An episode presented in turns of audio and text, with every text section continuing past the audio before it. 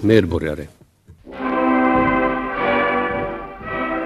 Kekkonen, Kekkonen, Kekkonen, Kekkonen, Kekkonen. Kekkonen, Kekkonen, Kekkonen, Kekkonen, Kekkonen. Hjärtligt välkomna till Kekkonen och jag, där vi idag ska få följa med på barnkalas.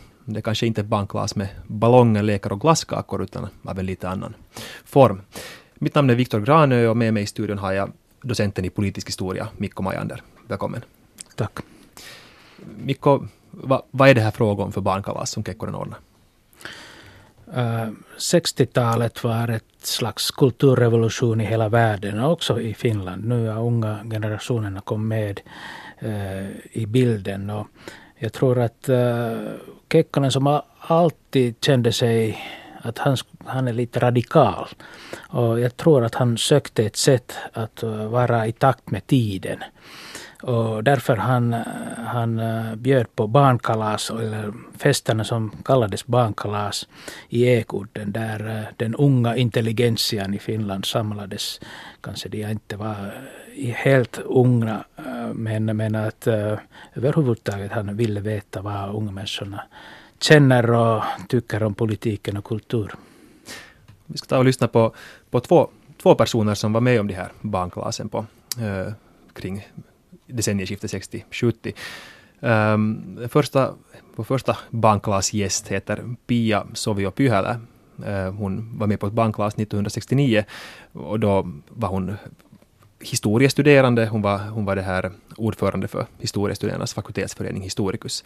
Och så här berättar hon, hon om eh, när hon fick inbjudningskortet. No, den här inbjudan, det var nog lite så där att man undrar att är det här nu skoj, skojar någon eller vad är det när det kom ett inbjudningskort från presidenten, president Kekkonen. Och det där, eh, men så fick jag höra att, att eh, han höll sådana här barnkalas, så kallade barnkalas. Där han, det var ju det var 1969, det här kalaset som jag blev inbjuden till. Och, och då fick jag veta att eh, vem som hade föreslagit mig eh, det var Jerker Eriksson som då mm, var lektor i historia faktiskt vid sidan om sitt jobb på, på film, filmcensuren. Jag vet inte om det, det var så att Jerker då blev tillfrågad att eh, föreslå svenskspråkiga gäster eller var det eventuellt också att det, det var brist på damer för att det var närmare 40 killar och så var vi bara sist och slutligen fem fem eh, kvinnor och tre av dem var finlandssvenskar. Det var Inga-Britt Amnell som var lektor i svensk litteratur. Yrsa Stennius som hade blivit chefredaktör för Studentbladet och så var det jag och antagligen som egenskap av assistent i historia och sen som representant för historiestuderandena. Med vilka förväntningar gick du på kalaset? No, det var ju lite så där spännande, hur ska man klä sig? Och det där, jag känner, känner ju ingen där. Och, men så, jag hade nu en snygg svart liten klänning och ett halsband och satte jag det på mig. Och, och kammade nu håret lite. Jag satte upp håret, jag hade långt hår på den tiden. Och det där tassade man ju iväg dit. Och, och tänkte att ska man nu niga eller ska man inte niga med det där. Det var nog väldigt lätt sen när, man, eh, när stämningen där när man kom in genom dörren så var det genast så där väldigt avslappnat och presidenten själv och fru Kekkonen tog emot och, och där såg man ju sen sådana här ganska kända namn också som man till hälften kände också det var lätt att man behövde inte stå ensam och vara nervös. Var det alltså på Ekudden? Det var på Ekudden. Och han, presidenten, när alla var samlade så, så höll han ett välkomsttal. Mycket trevligt kommer jag ihåg. Han skojade och, och det var, den här tillställningen det var en så kallad stående eller buffémiddag, att det var, buffén var färdigdukat och så, så gick man och serverade sig och satt vi, och det var bordsplacering i små bord, det var väl åtta bord tror jag. Och det där, vi damer vi var liksom utspridda så att det var en dam per bord och sen var det fru Kekkon i ett bord där. Så där, före vi bjöds, bjöds till för att servera maten så, så sa Kekkonen att nu ska jag gå och titta om potatisen har kokat färdigt. Så där, det var, så han var som en av oss, att han inte på något vis var formell. Minns du någonting av talet Kekkonen höll? No, det var väl något så här att han ville, ville veta, veta om uh, lite om vad vi tyckte om universitetet och det var ju då efter 68 och, och studentrevolutionen i Paris och, och det var ju mycket här också på universitetet att man ville demokratisera så att eh, men att det var inte enbart eh, det han ville. Han ville nu träffa yngre människor för att han i sitt jobb annars eh, var, träffa mest äldre personer och politiker och så. Jag ska berätta alltså Pia Sovio-Pyhälä om, om barnkalaset hon var med på 1969. Vad, vad reagerar du på i den här berättelsen, Mikko? No, först och främst tycker jag att äh, äh, det här berättar hur smickrad de där unga måste ha känt sig när de fick en äh, kom, kom till bankkalasen till Ekudden. Å andra sidan hur Kekkonen både visste och kunde äh, hur man tar sin publik att, att uh, titta på potatisar om de är färdiga och så vidare. Uh, hur skicklig han var att behandla olika folk, det, det är självklart. Men uh, jag tycker här är ett bakgrund med det här barnkalasfenomenet. Uh, och skulle kanske lyfta också Sylvi Kekkonens roll här. Mm. Därför att uh, hon var ju en författare och uh, hon hade haft ett eh, så att säga kultursalong eller litterär salong redan på 40-talet och 50-talet och ville följa med hur unga författarna, författare, vad, vad de tänker om världen. Och Eino S. Repo var en av dem eh, som var vänner till Kekkonens son. Och, och nu i det här bakom det här barnkalasen, Einar Repo var en av dem som valde dem som kommer till kalasen. Och också i rundradion, han var en chef och stödde de här unga krafterna att komma fram. Så att det, det är ett slags, äh, litera, ett slags kultursalong på 60-talsvis som Kekkonen hade i Ekudden då. Att de hade tidigare likadana äh, men eh, likadana former men inte kanske innehållet. Eh, det var liksom tiden var för, hade förändrat. Ja, vi återvänder till Kultursalongen. Det var nu sånt sorgligt att prata med sina bordskamrater och ibland hörde man så här att, ett, eh, hur fru Kekkonen hon hade ett mycket glatt skratt. Att man blev, hon var ganska skör redan då. Hon hade ju reumati, reumatism och, eh, och det där. Så att hon, hon deltog i i samtalet där vid bordet. Men hon, hon gick inte från bord till bord sen utan det var Kekkonen sen som när kaffe serverades så började han gå runt till borden och till olika bord och kom då och satte sig bredvid sin bordsdam då. och, och så, så, han satte sig då alltså bredvid dig? Bredvid mig, ja så var den platsen ledig i väntan på honom? Jo, jo, jo. Eller han, han eh, skuffade, det fanns en extra stol och han eh, klämde sig däremellan och bara det här är min plats. Och, och så, så det där sa han att ja, att tittade han på namn, namnkortet och sa att ja, fröken är från Österbotten. Att jo, hur var presidenten det? Att, jo, jo, att jag, ni är från Brahestad. Jag har nämligen, min pappas släkt kommer från Brahestad. Och han hade tydligen varit i Rautaruukki som var ett, ett ganska nytt företag på den tiden.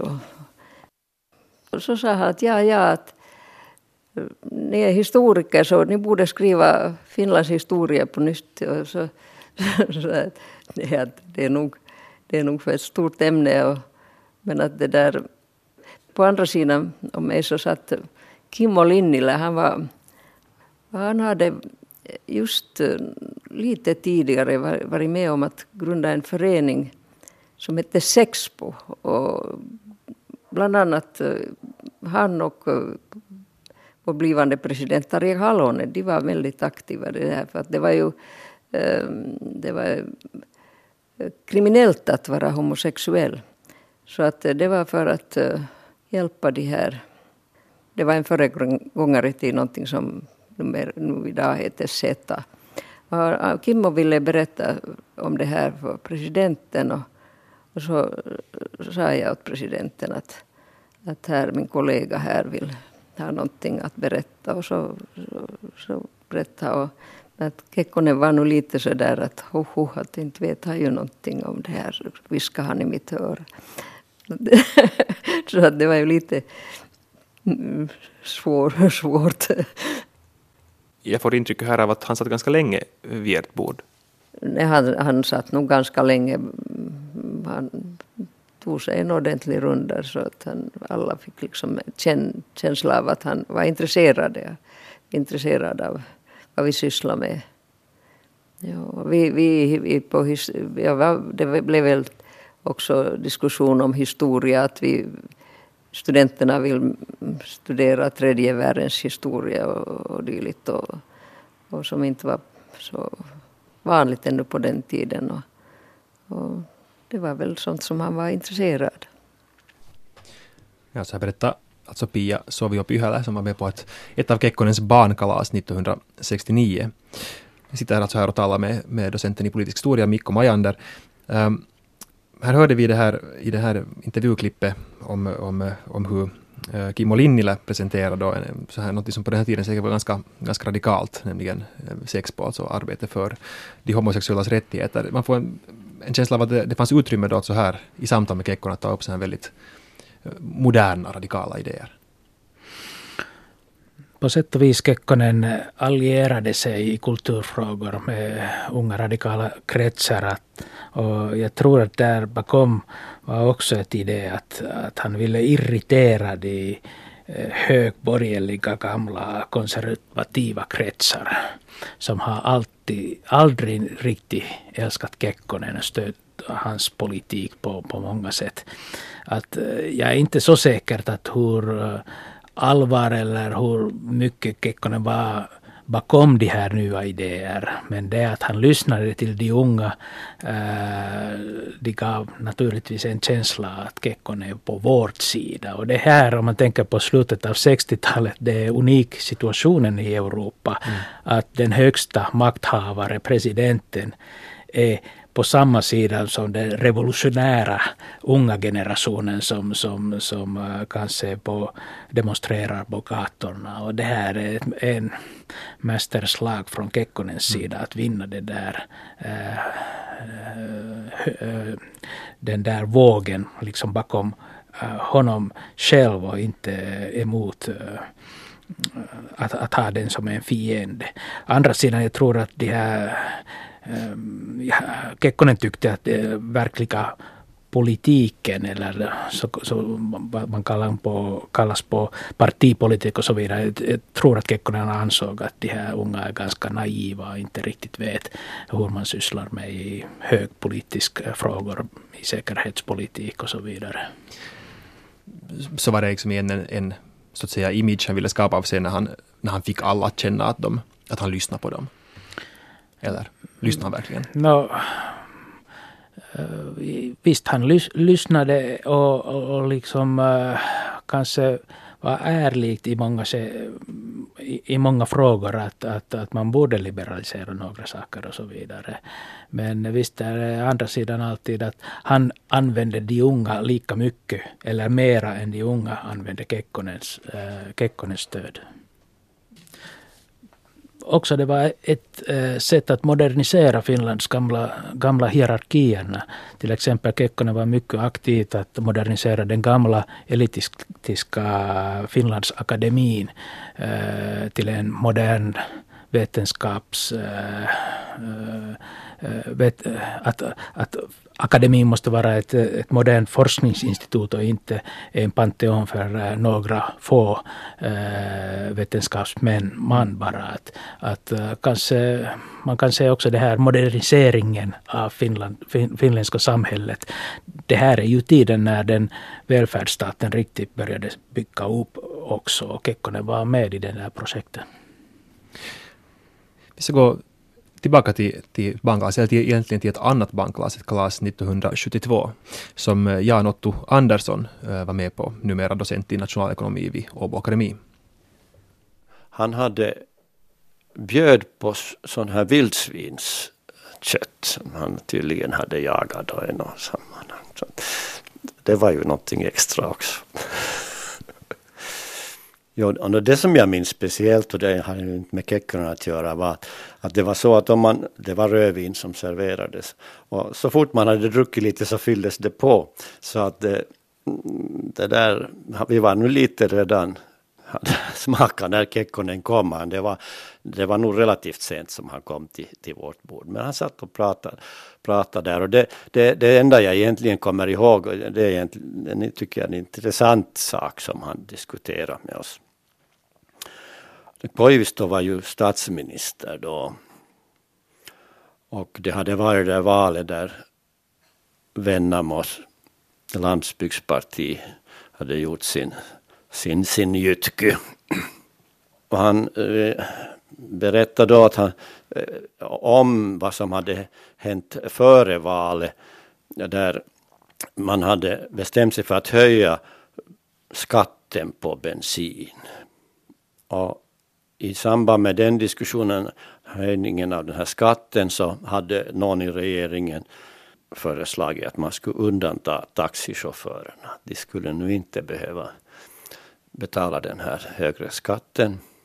Eh, men Koivisto skulle ha sagt att ja, de röstar ändå socialdemokratiskt att nu kan vi bra höja den här. Och Kekkonen tyckte att Koivisto inte riktigt hade den där känslan för, för, för vad som var politiskt opportunt utan att han var lite naiv. Och så att, för sen, enligt Kekkonen så hade det sen visat sig att alla taxichaufförer röstade på Vennamo e-, efter, efter det, i det här valet. Det, på det sättet ville han lite liksom kritisera Koivisto då, i det där sammanhanget. För att Koivisto var ju inte den här som ställde upp i val för att få röster. Och, så att det kan ju hända att det fanns någonting i det där. Att han, inte, han tänkte inte på det sättet att hur ska, vi, hur ska vi få så mycket röster som möjligt. Blev det någon diskussion om det här eller var det bara ett, ett sånt ställ, uttalande som Kekkonen gjorde? Det var ett uttalande som Kekkonen gjorde. Vi, vi accepterar hans analys. det var, jag kommer inte ihåg att någon av oss skulle ha försökt försvara Koivisto utan det var nu bara ett intressant att relationen mellan Kekkonen och Koivisto kom fram genom den här lilla anekdoten. Ja, så här berättar Jan-Otto Andersson. Alltså, det är ju på något sätt slående det här att Kekkonen väljer att, att tala om, om Koivisto med de här radikala unga. Vilken, är hans, vilken, kan, vilken kan tänkas vara hans agenda? Vad tror du, Mikko? det är ambivalent relation med Koivisto och Kekkonen redan då. Att eh, Koivisto blev statsminister eh, 68 och eh, det hände med Kekkonens stöd. Att eh, eh, Koivisto var mycket populär redan då eh, bland folket och, och, och Kekkonen ville lyfta honom fram till statsministerpositionen. Men ganska snabbt han blev besviken om Koivisto. Att kanske han har, Kekkonen var, vana vid det att eh, statsministrarna frågar honom vad, vad, vad ska man göra och eh, åtminstone håller, håller presidenten mycket noggrant äh, i bilden och så, så, att säga vad, han, vad statsministern och regeringen ska göra och så vidare.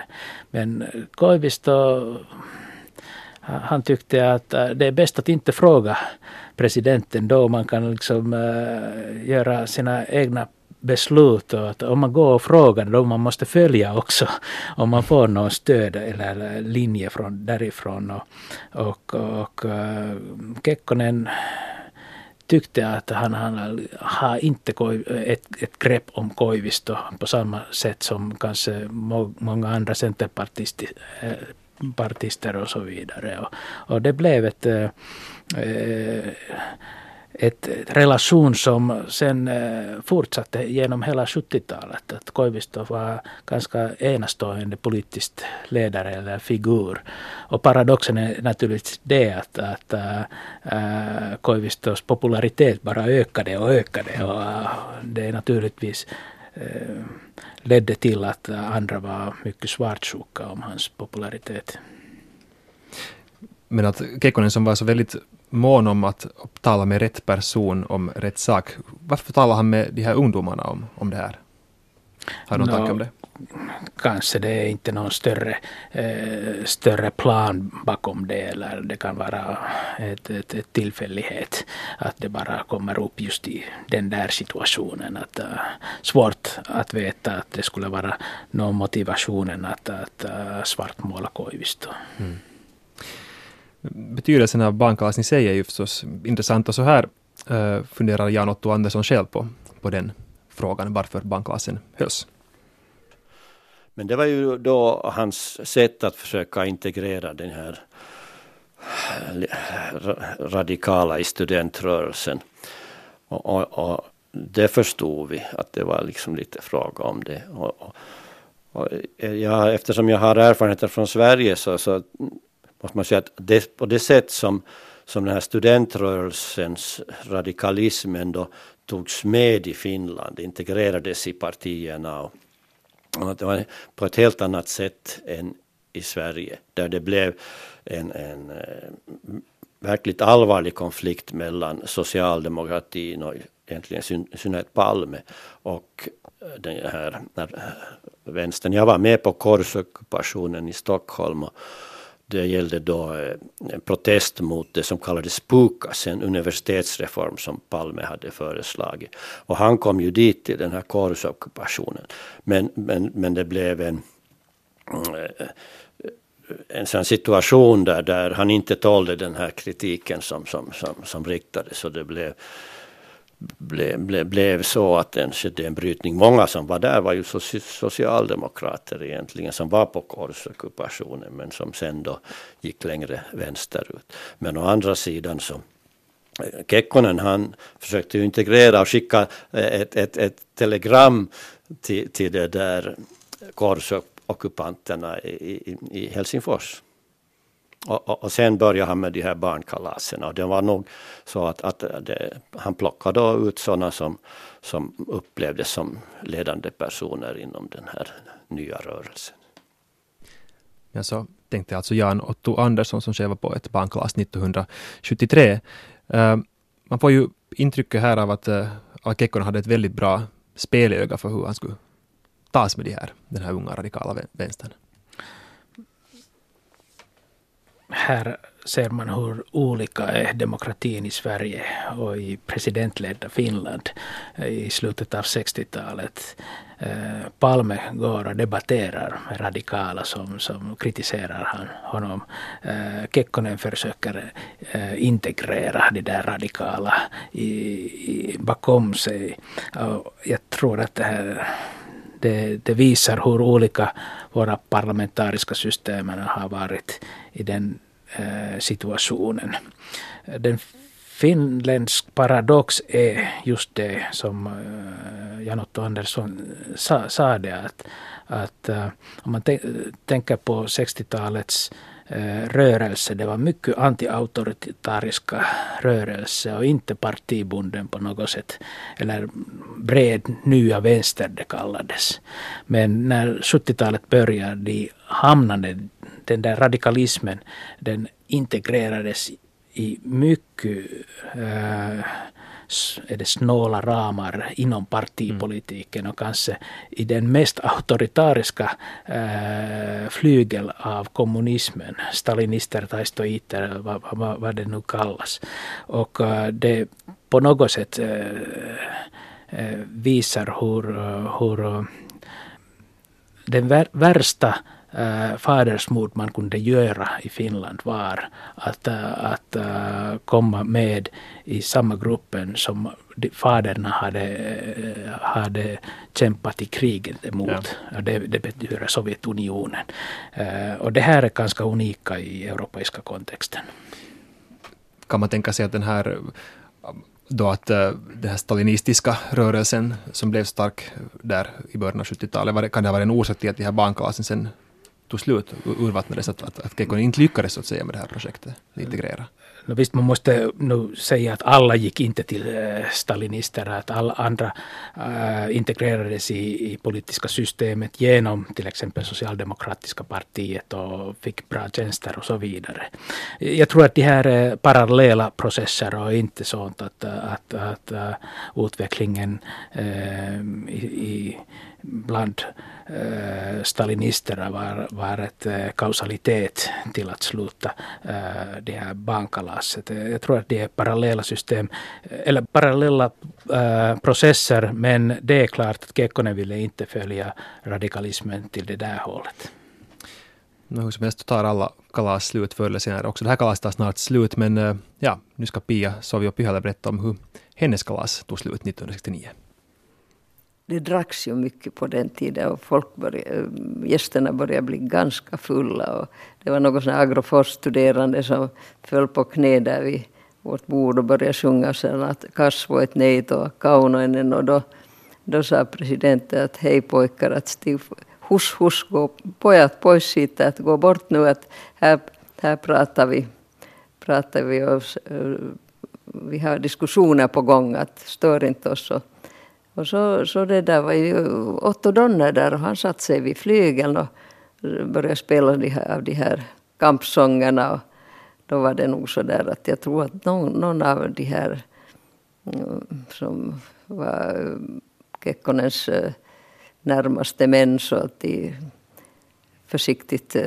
så sa att ingen, ingen sprit mera. Och så, så, det där, så vandrades det iväg och många fortsatte antagligen till till Bruns, Brunshuset. Ja, ja. Hur tog Kekkonen farväl?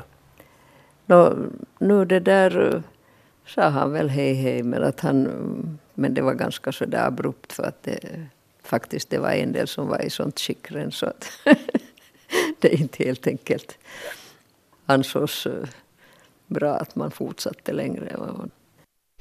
Ja, så berättar Pia Sovio Pyhälä.